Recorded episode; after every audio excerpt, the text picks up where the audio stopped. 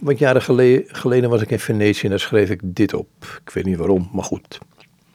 Venetië met zijn nonchalante kleuren, verwarmd door een schitterend zonlicht.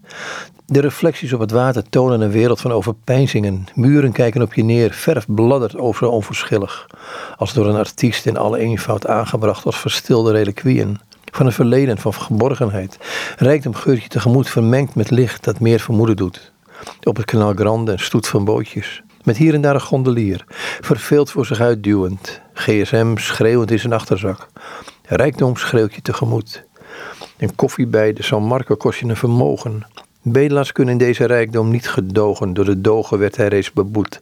Armoede straf van de rijken. In de Jezuïtenkerk ligt ruimte voor gebed en overdenking. De ruimte hoog met een eenvoud dat God die weer God kon zijn.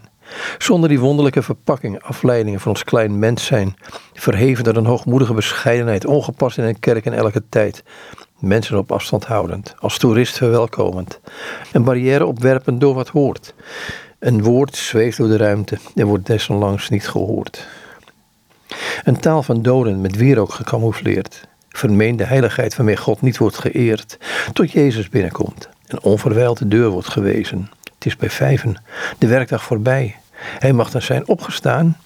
Hier is hij niet verrezen.